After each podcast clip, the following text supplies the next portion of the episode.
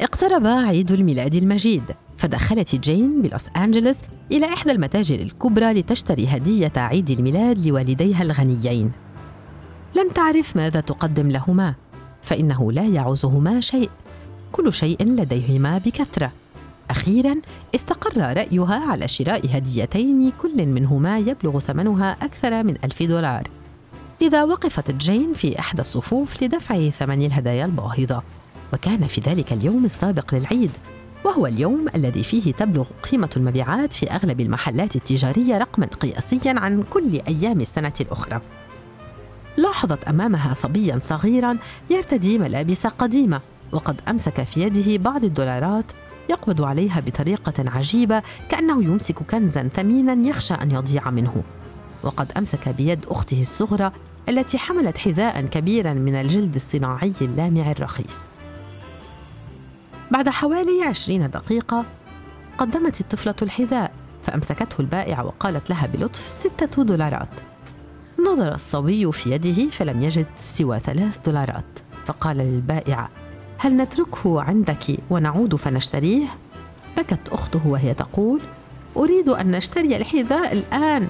قال لها الصبي لا تخافي فإني سأعمل في حديقة جيراننا اليوم كله ونشتري الحذاء قبل العيد. صرخت الأخت لا غدا سيغلق المتجر. إني أريد الحذاء الآن. تسللت الدموع من عيني جين وقدمت ثلاثة دولارات للبائعة فسلمت الطفلين الحذاء.